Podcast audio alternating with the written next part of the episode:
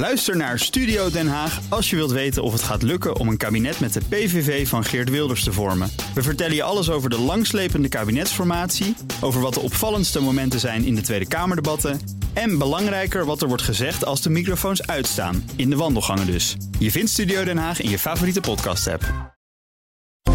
BNR Beurs wordt mede mogelijk gemaakt door Bridge Fund. Beleggen bij Bridge Fund brengt Nederlandse ondernemers in beweging. BNR Nieuwsradio. BNR Beurs. Jelle Maasbach en Maxime van Mil. Welkom op deze zonnige dinsdag. We hebben er zin in, helemaal nu jij luistert. Het is 27 februari, de dag dat er ergens weer een NS-trein met vertraging aankwam. Maar dat is niet het enige probleem voor de Nederlandse spoorwegen. Reizigersvereniging Rover wil dat de overheid opnieuw geld stopt in de NS. Die wil treinkaartjes meer dan 10% duurder maken. Daardoor wordt de trein onbetaalbaar voor veel mensen, zegt Rover. Dit jaar steunde de overheid de NS met 120 miljoen. NS-top Bankomees hoopt net als Rover op een nieuwe bijdrage. De AX trouwens, die was op stoom zeg, maar liefst 0,1% erbij. Sloot afgerond op 853 punten. Gelukkig ontspoort deze uitzending niet, want wij hebben het zonnetje in huis. Martine Hafkamp van Vintessa Vermogensbeheer. Komt goed uit, want straks gaan we het hebben over de invloed van vrouwen op beursbedrijven. Die is groot, maar niet iedereen ziet dat. En dus is er een speciale index in het leven geroepen. Dat zo, eerst wat ons uh, verder opviel. Jelle, we moeten het even hebben over ontbijtgranen. Maxime, het is half zeven s'avonds. Is daar niet een beetje laat voor? Ja, eigenlijk moeten we het hebben over granola's. Dat is een uh, soort nieuwe Magnificent Seven, maar dan in Europa. Okay. Elf aandelen die het hier bijzonder goed doen. Uh, die heeft de Goldman Sachs uitgelicht.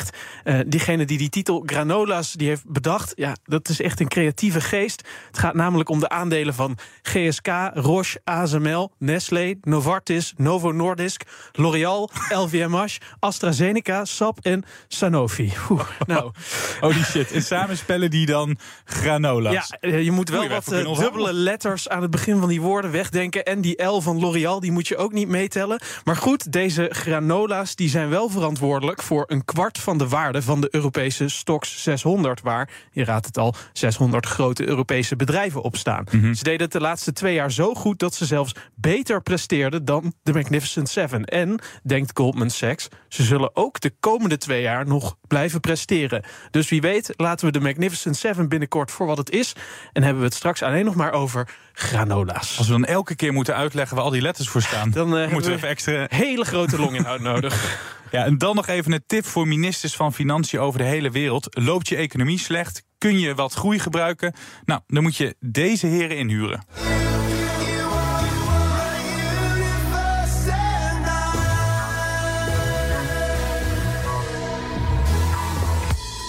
Ja, verschrikkelijke band. Coldplay of Ed Sheeran of uh, Taylor Swift. Die drie acts bezorgen de economie van Singapore een gigantische boost, melden economen aan CNBC. Want al die concertbezoekers geven niet alleen veel uit aan tickets, maar ook aan horeca en hotels. Ik had er nog nooit van gehoord, maar daar spreken ze inmiddels van concert economics.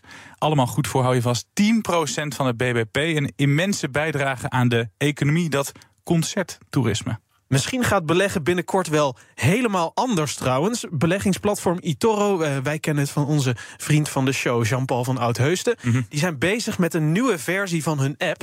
En die is speciaal voor de nieuwe VR-brillen van Apple en Meta. Dat zegt de topman tegen CNBC. Ze zijn niet de eerste die over een stap naar VR nadenken. JP Morgan en Citi die dachten jaren terug ook al na over een manier om in de metaverse terecht te komen. Maar zonder resultaat, want de metaverse is nogal een uh, stille dood gestorven. En daarmee ook de idee van banken. Ja, Itoro ziet nu een nieuwe kans.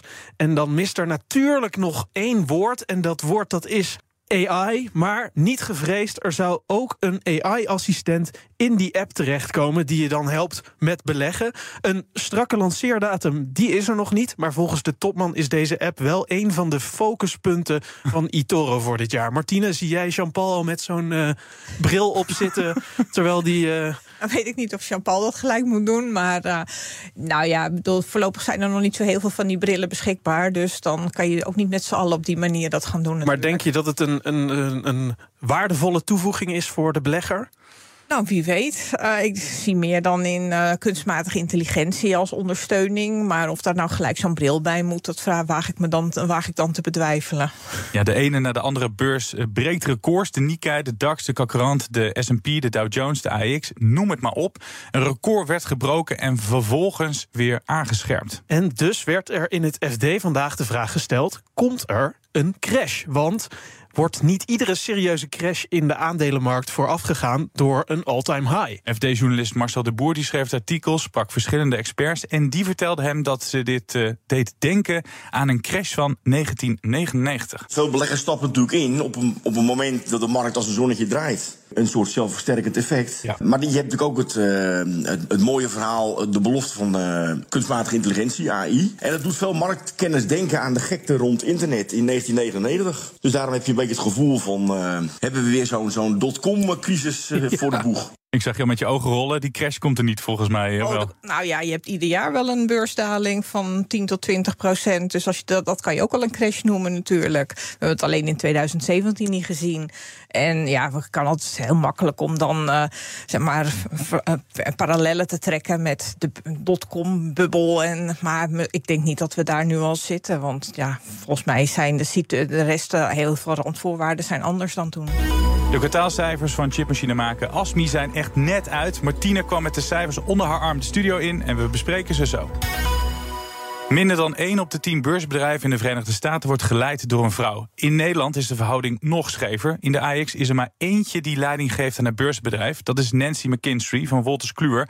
Veel te weinig en daar moet wat aan gebeuren. Reden voor broker De Giro om met een speciale index te komen, de Pink Chip Index in de US. Op die manier moeten bedrijven met een vrouwelijke CEO meer onder de aandacht komen, zegt Royette de Vries, hoofdinnovatie bij De Giro tegen ons. Wat we hebben gezien in verschillende onderzoeken is dat uh, veel um, bedrijven waar een vrouw aan het stuur is, dat er toch minder in wordt geïnvesteerd of zelfs afkeurend naar wordt gekeken. En de index zelf laat uh, op dit moment 49 bedrijven zien die te vinden zijn op de grootste Amerikaanse beurzen. In principe zijn wij gewoon execution-only beleggingsplatform. Dus we vertellen onze klanten niet waarin zij moeten beleggen. En we proberen onze klanten natuurlijk wel zoveel mogelijk nuttige en objectieve informatie te geven. En we hopen met het toevoegen van de Pinkchip dat we hierbij een extra keuzemogelijkheid hebben gegeven.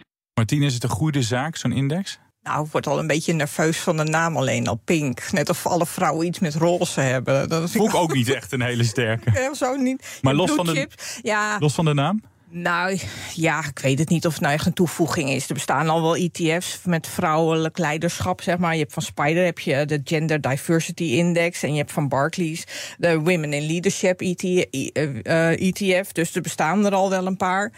Um, ja, ik denk dat je... Dat, in principe, kijk, ik ben zelf vrouw, maar ik dat is voor mij geen selectiecriterium. Want dat er een vrouw aan het roer staat. En ze hebben dan wel getest tot drie jaar terug. En dan doen de bedrijven ongeveer even goed. Maar ze doen het dan wel beter dan de SP 500. Maar ja, dan word ik ook een beetje nerveus. Want je hebt ook natuurlijk de green chips. En die deden het zogenaamd, dat zijn dan de duurzame bedrijven. Die deden het ook zogenaamd zo goed. Maar die, dat is dan toch wel, als je het dan hebt over ballonnetjes die doorgeprikt zijn, die zijn wel een beetje doorgeprikt. En al jarenlang beheer je het vermogen van vermogende Nederlanders, van, van Nederlanders. Ja. Heb je wel eens de vraag gekregen van... kan ik investeren in een beursbedrijf waar een vrouw in het roer staat? Krijg je die vraag überhaupt wel eens Nee, die vraag krijg ik nooit. Nou krijg ik natuurlijk het mandaat uh, en heb ik vrije hand om te beleggen mm -hmm. uh, voor mijn klanten. En er zijn natuurlijk wel klanten die wel speciaal voor mij bij... voor een vrouw? ja, ja, omdat ze zeggen een vrouw dat is rustiger. Maar ja, ik zit ook met gewoon een gemengd team van mannen en vrouwen. En ik denk, daar zie ik ook meer in. Uh, de kracht zit natuurlijk in de combinatie. Want waarom denk jij dat er minder vrouwelijke CEO's zijn? Nou ja, dat is een beetje. Uh, aan de ene kant is het ja, een beetje zo door de tijd heen gekomen.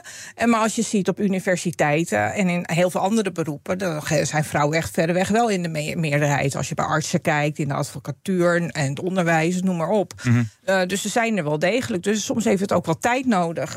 en hier in Europa zijn we misschien ook wat minder vlot daarmee. Want als je naar uh, Rwanda kijkt, dan zijn er veel meer vrouwelijke professoren bijvoorbeeld. Dus het kan best.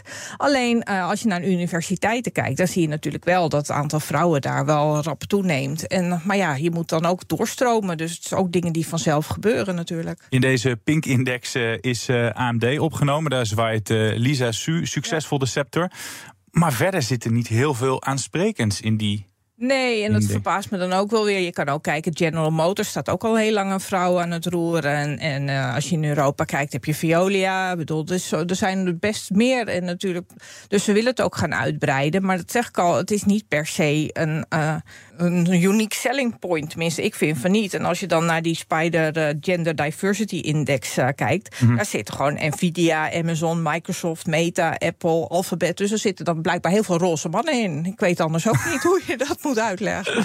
Hier in Nederland hebben we Wolters Kluwer. Verder eigenlijk ook dus niet veel vrouwen aan het roer. Lopen wij dan zo hopeloos achter op uh, andere landen? Nou ja, wel een beetje. Want we hebben ook nog nooit een vrouwelijke premier gehad. Dus ja, als je dan zo doortrekt, dan kan je zeggen dat we achterlopen. Maar als je dan weer kijkt naar de beloningskloof, zeg maar, dan doet Nancy McKinstry het volgens mij best aardig. En is ze niet de slechts betaalde CEO uit de AIX. Wat kunnen we doen? Zo'n zo'n index in Nederland, zou dat, zou dat dan nog helpen? Oh, het hoeft ook helemaal niet te helpen. Je moet gewoon naar goede beleggingen zoeken. En dat is leiderschap in het algemeen. Hoe een bedrijf geleid wordt, is daar een van de criteria, maar niet het enige. Ik bedoel, het moet ook nog een goed bedrijf zijn verder. En het maakt mij echt helemaal niks uit of er een man of vrouw aan de top staat. Uiteindelijk wilde Giro een ETF op uh, deze ja. Pink Index, ook een Europese variant. Gaat dat scoren, denk je? Weet ik niet. Volgens mij in die ETF's die ik net noemde, er zit er in de eentje volgens mij nog heel weinig belegd. Uh, ja, nou ja, bedoel, ik denk dat je zelf als belegger, ik ben sowieso geen ETF-belegger, dus ja, daar gaan we al mist in. En als je dat dan als leuk selectiecriterium wil hebben, dan kan heb je. Heb je, je niet echt enthousiast gemaakt hè, met deze index, heb ik het idee. Nee, ik vind dat zo moeilijk. Net of als ik vrouw ben, dat ik er dan ontzettend enthousiast over moet worden. Dat er zoveel kansengelijkheid komt of zo. Maar dat, zo zie ik dat niet. Ik denk altijd gewoon als je gewoon. Ik heb nooit het probleem gezien. Ik geloof ook nooit in die glazen plafonds en zo. Uh, dus ik denk gewoon, je moet gewoon uh, doen wat je leuk vindt. En dan kom je er vanzelf wel. En er zijn ook heel veel, zijn ook heel veel mannen die dat helemaal niet leuk te vinden. Hè, om uh, in de top van een bedrijf te zitten. Want het kost wel heel veel tijd. En die tijd moet je ook wel maken. Vroeger hadden we zo'n spelletje op de tv, sinds kort trouwens weer terug op de buis, waarin we met z'n allen riepen. En dat vragen beleggers zich ook af bij het Chinese Shein. Want de vraag is: gaan ze nou naar de Amerikaanse beurs of niet? Ze zouden een beursgang maken in de VS, maar krabbelen volgens persbureau Bloomberg nu toch terug. De, de Amerikanen zouden te veel eisen hebben, moeilijk doen over de arbeidsomstandigheden en dus kiezen ze voor de Londense beurs. Nou, moet Londen daar blij mee zijn? Nou, dat is leuk dat, je over, dat ik dit nu op dit onderwerp weer krijg. Want in december hebben we het hier ook over gehad. En toen was het ook net het gerucht dat ze eventueel naar Londen wagen zouden gaan. Toen was de top van Shein was daar geweest. En dan krijg je ook een beetje, ja, Chinezen zeggen natuurlijk al snel ja, ja, maar... Ze, Hoe bedoelen ze nee? Ja. Nou, ja. misschien meer uit beleefdheid, mm -hmm. zeg maar. Dus dat ze toen een beetje de boel verkend hebben. Nou, het zou vooral voor de Londense beurs uh, wel leuk zijn, omdat die natuurlijk de afgelopen jaren heel weinig beursgangen hebben gehad. Alleen de grote vraag is natuurlijk: wil je zo'n bedrijf hebben als je uit ethische overwegingen kijkt? Precies. En wat Maxime net vertelt, de toezichthouder in de VS wil ze kennelijk niet. Waarom zou je dan in Londen wel akkoord moeten gaan? Dan moet je dus gewoon dingen laten varen. Ja, ja, dan heb je daar andere principes. Um, ja, je kan er heel veel van vinden. Uh, natuurlijk is het de hele tijd de, Oeigoeren kwestie. Nou, dan heb je in de Verenigde Staten natuurlijk iets meer uh, dat, China, dat in verband met de handelsoorlog met China, dat ze iets, nog iets minder staan te popelen om Chinese bedrijven daar dan een listing te geven. Buiten dat, er gaat heel veel in Amerika naar de beurs, dus zal ook daardoor het iets minder happig zijn. En ze, ze zullen daar de SEC zal strenge eisen stellen. Mm -hmm. Nou ja, uh, en als je dan denkt van nou misschien kan ik dan met iets minder eisen kan ik in Londen aan de beurs. Ja, als je het, zeg maar, het ijzer wil smeden nu het heet is, ja, dan moet je misschien dat doen als Chinees bedrijf dan, hè? En Martine, als je ethiek even vergeet voor wat het is, is het dan een interessant aandeel? Nou ja, dat weet ik ook niet zo goed. Uh, ik de, voor mij niet. Ik beleg sowieso niet in Chinese aandelen. Uh, Chine ik, ik ben niet zo'n fan van de Chinese overheid, zeg maar. En hoe mm -hmm. die kan ingrijpen in de, in de bedrijven. Het, grappige is van Shein, ze verkopen dus in China geen kleding. Dat doen ze alleen in de, hele, de rest van de wereld. Uh, omdat ze daar al de markt gemist hadden. Uh, en ze krijgen nu natuurlijk heel veel concurrentie van Temu. Dat is niet alleen kleding, maar natuurlijk ook huisraad en mm -hmm. elektronica en de hele reutemeteut. En die groeit eigenlijk tegen de klippen op. Um, Ja, en als je dan kijkt, ze zijn natuurlijk heel erg snel met dat superfast uh, fashion, zeg maar. Dat, daar is Sarah en zo is er allemaal niks bij. Ja, en die doorlooptijd, ja, die is heel kort. En, uh, maar ja, je krijgt natuurlijk ook altijd weer van niet alleen ethisch of je door Oeigoeren je kleding laat maken, maar ook nog hoeveel kleding er altijd weggegooid wordt en al die bergen kleding die vernietigd worden. Fast fashion ben je dus geen eh, fan van. Een half jaar geleden lag de waardering op zo'n 80 tot 90 miljard. Die schommelt nu rond de 50 miljard. Ze hebben in 2022, de cijfers die we hebben, hebben ze een winst gemaakt van 800 miljoen dollar. Een omzet van 23 miljard. Is dan een bedrijf 50 miljard waard op papier? Nou, ze willen natuurlijk naar 50 miljard groeien. Ze willen ook Inditex voorbij. Nou ja, het gaat wel als je ziet hoe hard die omzet explodeert, dan zou dat best kunnen. En als je dan weer kijkt wat Inditex waard is, dat is de marktwaarde van 127 miljard op een omzet van 32,9 miljard. Uh, dan zou je kunnen denken van, nou ja, dan, dan, dan, zou het nog redelijk kunnen zijn. Alleen in die tekst maken we denk ik wel wat meer winst. BNR Beurs. Hallo Wall Street, rondje op de handelsvloer bij onze Amerikaanse vrienden en vriendinnen. De Dow Jones staat in de min, vier tiende van een procent. De S&P 500 verliest een tiende van een procent en de Nasdaq staat uh, onveranderd. Beginnen we met Sony. Het Japanse bedrijf heeft, heeft ook een notering op Wall Street en kwam met een mededeling die nogal impact heeft. Ze grijpen namelijk hard in. Er moeten honderden mensen uit, vertelt onze tech-collega Stijn Goosens. Het gaat om ontslagen op alle continenten, zegt Sony. In totaal is het 8% eh, van het personeel. En het gaat dan vooral om game studio's. Denk aan London Studio en het Britse Firesprite. Die werkte vooral aan VR-games voor de PlayStation. Maar ook hier in Nederland bij Guerrilla Games. Uh, daar moeten mensen weg uh, voor, door deze ontslagronde. Die game studio is vooral bekend van Horizon Games. Horizon Forbidden West die kwam bijvoorbeeld in 2022 nog uit. En verder verdwijnen er dus banen over de hele wereld. Ja, vorige week verloor Sony al 10 miljard aan beurswaarde door tegenvallende kwartaalcijfers. Normaal gesproken als een bedrijf zegt we gaan mensen ontslaan, dan gaat de beurskoers omhoog. Die gaat nu 0,8% naar beneden. BNR Beurs. 2023 was een succesvol jaar voor Asmi, zegt de CEO van Asmi. Maar dat geldt niet voor het vierde kwartaal. Daar is duidelijk sprake van een afname van nieuwe orders. De chipmachinemaker had een omzet van bijna 680 miljoen euro. Een daling van 14% vergeleken met een jaar eerder. Ja, dat was gerekend uh, op meer orders. Koers liep vandaag ook een beetje op, Martine. Vallen die cijfers jou tegen of toch nog mee? Nou ja, eigenlijk, want ze hadden eh, bij het derde kwartaal ook gezegd natuurlijk dat de orders naar voren waren gehaald. En dat gaat dan vooral om die gate all-around technologie. Mhm. En die is weer heel nuttig voor kunstmatige intelligentie. Uh, dus in die zin ja, valt het dan mee, valt tegen. Uh, er zat al heel veel goed nieuws in de koers uh, verwerkt. Vorig jaar zijn ze bijna 100% gestegen. En dit jaar ja. stond er ook alweer 24% plus op de borden. Dus ja, dan moet je het ook wel heel veel beter doen. Wil je gaan positief verrassen. Ja, precies. Het, En- het, ja. ja, sorry? Ja, nou ja, nu als je dan niet echt nog heel concreet bent over wat er dit jaar gaat gebeuren, dan houdt het altijd al snel een beetje op bij beleggers. Ja, precies. Daar gaan we het zo meteen over hebben, die outlook. Maar nog even over dat kwartaal. Want het had erg kunnen zijn, maar er was extra vraag vanuit China, zegt eh, het bedrijf zelf. Maar dat is dan wel een, een eenmalige meeval, hè, dat hamsteren van die Chinezen. Ja, deels wel. Alleen als je dan wat verder kijkt, er zat natuurlijk wel. De bodem van de chipmarkt is ook wel een beetje geweest. Dus er kunnen natuurlijk ook heel veel nieuwe. Er wordt heel veel geïnvesteerd natuurlijk in kunstmatige intelligentie. En ze hebben wel echt een, voordeel. Dus met die technologie van hun, omdat die op heel efficiënt in te zetten is voor dus die. Dus ja, in die zin.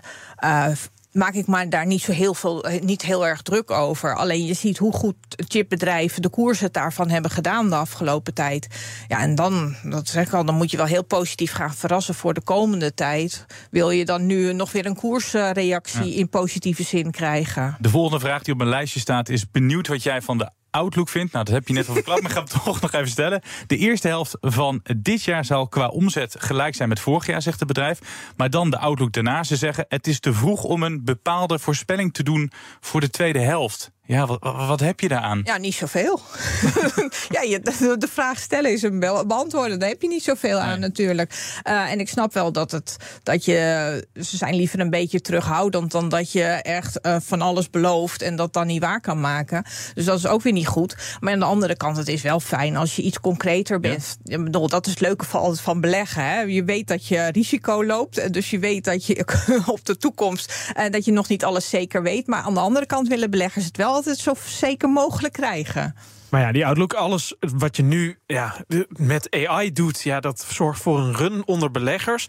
Uh, toch lopen die nieuwe orders terug bij uh, ASMI. Profiteren ze wel van die technologie? Nou, op de lange termijn zeker. Dat weet ik zeker dat ze daarvan profiteren. Alleen ja, het is, verandert niet allemaal in goud in één keer. Er wordt natuurlijk heel veel in geïnvesteerd.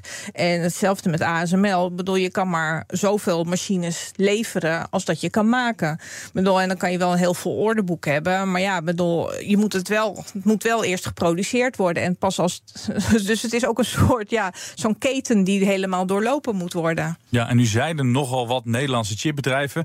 Waar staat uh, ASMI uh, op jouw lijstje? Nou, het staat in, uh, nou, je staat gewoon in de AX natuurlijk. Ik beleg er zelf niet in. Nee, maar nee. ja, nee. Ja. Dat is wel een heel goed antwoord. Ja, briljant. Ik word nee, er van. Ja, ik beleg er zelf niet in. Uh, bedoel, ik zit al in, in de Nvidia, uh, dus ik hoef niet ook nog in ASMI te zitten, zeg maar, als je het zo bekijkt. En ik zit in ASML. Ik zit best zwaar voor mijn klanten in technologie. en je kan niet de hele wereld hebben. Morgen uiteraard weer wat cijfers die gaan over bestellen, betalen en naar bed gaan. Justy Takeaway bezorgt ons de cijfers. Het bedrijf heeft al lange tijd last van een teruglopend aantal bestellingen. Mensen hebben simpelweg geen geld meer over om ook nog eens eten te bestellen. Toch blijft Just Eat positief over de winst, want volgens hen lukt het enigszins in de kosten te snijden. Er komen meer cijfers, die van betalingsverwerker Worldline bijvoorbeeld. Franse bedrijf had een goede start van vorig jaar, maar ging in oktober onderuit. Het gaf een winstwaarschuwing, waardoor het aandeel 55% naar beneden dook. Dat trok ook het Nederlandse Adyen met zich mee. Ondertussen zijn de gemoederen wat bedaard en is de koers van Worldline weer een beetje hersteld. En ook bij Reckitt Benckiser, bekend van bijvoorbeeld Dettel, maar ook van Durex, worden nog resultaten gepresenteerd. Die hopen de omzet weer wat op te krikken. In het derde kwartaal viel die tegen, omdat ze de prijzen moesten verhogen. Daardoor kregen mensen toch wat minder zin om te, te poetsen.